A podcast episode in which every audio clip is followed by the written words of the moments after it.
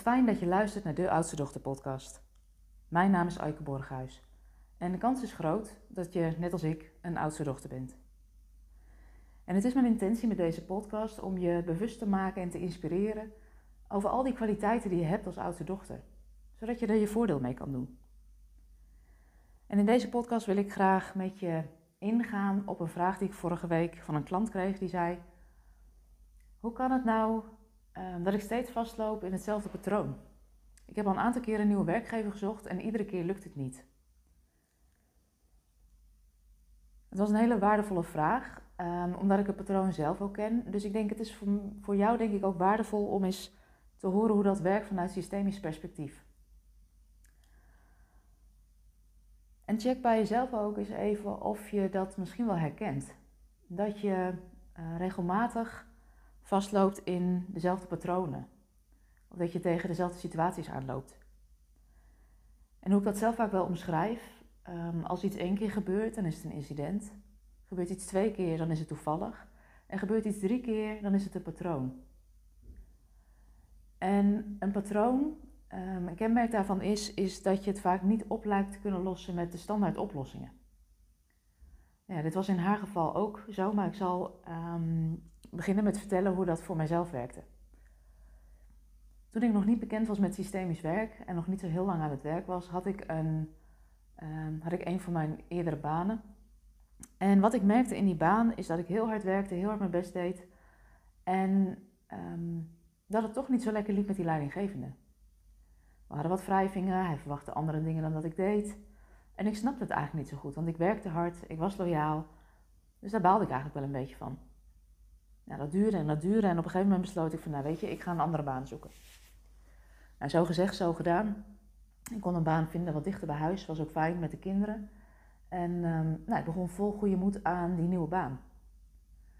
En de eerste periode ging dat prima, want ik was me nog lekker aan het inwerken. Uh, ik kreeg de ruimte om het op mijn manier te doen. Maar op een gegeven moment merkte ik ook dat het daar schuurde. Um, steeds meer uh, het gevoel dat ik gecontroleerd werd in mijn werk. Ik moest steeds meer overleggen over wat ik deed. En ik voelde me eigenlijk wat beknot in mijn vrijheid. En ik dacht, nou ja, dat is wel pech. Een tweede baan. Um, ik ga toch op zoek naar wat anders. Inmiddels was er een paar jaar verstreken, dus ik solliciteerde, weer een nieuwe baan. En in die baan gebeurde eigenlijk na verloop van tijd hetzelfde. Begin heel enthousiast, heel leuk, ze zagen me zitten, uh, harde werken, doorzettingsvermogen. En op een gegeven moment schuurde ook dat weer met die leidinggevende. En toen bedacht ik bij mezelf, ja, ik kan nu weer een nieuwe baan gaan zoeken of denken, wat een pech dat ik, dat ik zo'n leidinggevende uh, getroffen heb. Maar ik dacht ook, ik kan eens op een andere manier naar mijn vraag gaan kijken.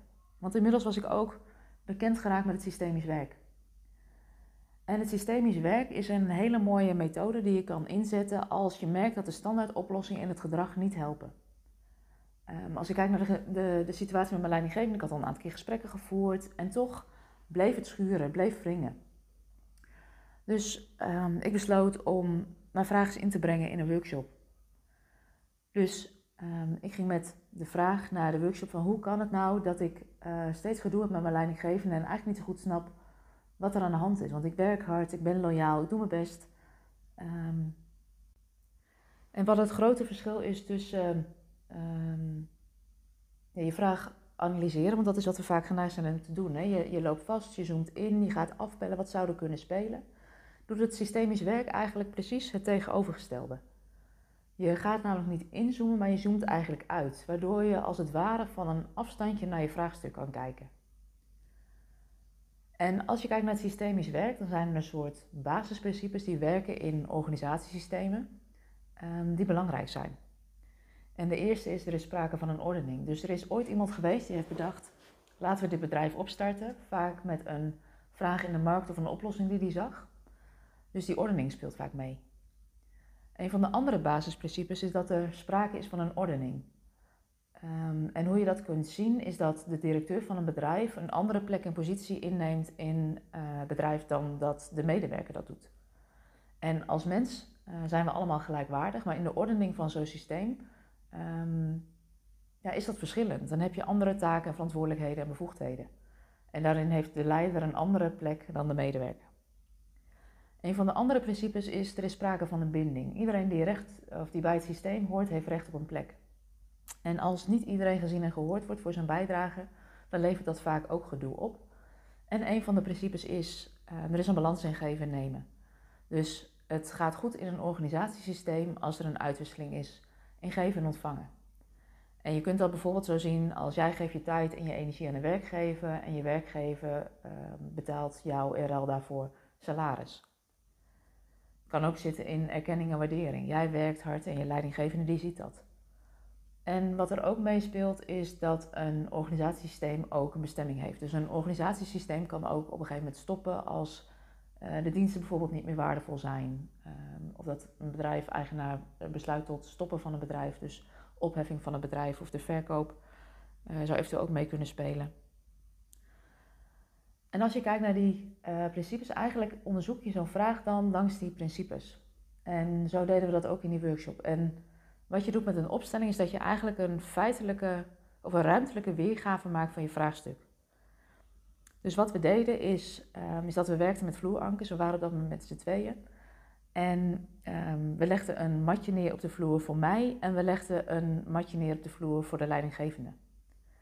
En de begeleider ging op het matje van de leidinggevende staan en ik ging op mijn eigen matje staan. Mijn eigen plek en positie bepalen ten opzichte van die leidinggevende. En wat er gebeurde is dat ik merkte dat ik uh, me groter voelde dan mijn leidinggevende. Dus dat ervaar je dan in zo'n opstelling in je lijf. Ik merkte dat mijn kin wat omhoog uh, ging, uh, mijn ademhaling schoot omhoog. Um, en ik merkte dat ik me onbewust groter maakte dan die leidinggevende. En die leidinggevende erkende dat ook. En wat die um, begeleider toen eigenlijk ook als inzicht bij me gaf, is dat ze zei: Ja, Eike, wat er gebeurt is dat je de neiging hebt om je onbewust groter te maken dan je leidinggevende. En dat klopte ook, want ik vond wel wat van hoe hij zijn werk deed. Um, ik vond dat hij um, zijn taken en verantwoordelijkheden eigenlijk niet, niet zo goed op zich nam. Ik vond stiekem ook wel dat ik, uh, dat ik het beter wist dan hem. En eerlijk is eerlijk, het is jaren geleden. Hè? Ik werk al tien jaar voor mezelf, dus het is echt wel een flinke tijd terug. Uh, maar op dat moment uh, vond ik dat gewoon echt zo. En wat die begeleider ook tegen mij zei, ja, Eike, je kan dat wel vinden, maar het is niet jouw plek in dit systeem om um, je leidinggevende te vertellen wat hij moet doen. En toen viel bij mij het kwartje. En in die opstelling hebben we toen wat proceswerk gedaan. We hebben gekeken van, goh, vanuit welke plek en positie uh, sta ik stevig op mijn plek en kan ik mijn werk goed doen? En um, op welke plek en positie, ja, en hoe verhoud ik me dan tot die leidinggevende? Want nou, je hebt natuurlijk geen invloed op hoe die leidinggevende reageert, maar wel op wat je zelf doet in het contact met die leidinggevende. En um, ik kon mijn plek weer innemen als de medewerker die ik was in dat systeem.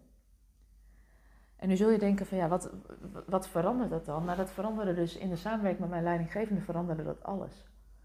Want ik kon me weer verhouden tot hem uh, vanuit de passende plek. En um, leidinggevende kreeg daardoor niet het gevoel dat ik hem, ja, hem aan het ondermijnen was. Ik kreeg niet het gevoel dat ik aan zijn stoelpoten aan het zagen was. En daardoor ontstond weer meer ruimte tussen ons, meer uitwisseling in geven en nemen. Dus um, ik kon hem zien voor de plek die hij had als leidinggevende en ik kon zelf mijn plek als medewerker nemen. En op het moment dat ik op mijn goede plek stond, kreeg ik dus ook veel meer ruimte om het werk op mijn eigen manier te doen. En het is wel eens heel interessant voor jezelf om te kijken van, goh, zijn er nou bepaalde patronen waar je in je werk of in je privésituatie regelmatig tegenaan loopt? Want het zou ermee te maken kunnen hebben dat uh, je onbewust niet op je eigen plek staat. En dat onbewust niet op je eigen plek staan in een organisatiesysteem heeft heel vaak te maken ook met de plek die je hebt ingenomen in uh, het gezin van herkomst, het gezin waarin je bent opgegroeid. Dus um, ja, vaak ligt, vaak ligt daar een relatie. Mocht je nou herkennen uh, dat het speel bij jou weet dat een opstelling doen heel helpend kan zijn, kan je inzicht geven in je eigen patronen, je eigen dynamieken. Uh, maar als je merkt dat dit gebeurt, kan het alleen al helpen door in jezelf te zeggen: jij bent de leidinggevende, ik ben de medewerker. Um, dit helpt vaak al om uh, de uitwisseling in zo'n organisatiesysteem of in zo'n werksituatie weer te verbeteren. Nou, ik ben heel benieuwd of dit herkenbaar voor je is. Um, mocht dat zo zijn, vind ik het altijd leuk om van je te horen. Als je wel wat hulp kan gebruiken, stuur gerust een mailtje op info.oudedochter.com. En voor nu wil ik je bedanken voor het luisteren naar deze podcast. Vond je deze podcast nou interessant? Ehm, abonneer je dan, dan krijg je een berichtje als er een nieuwe aflevering online staat. En ehm, nou, wie weet tot de volgende keer. Fijne dag!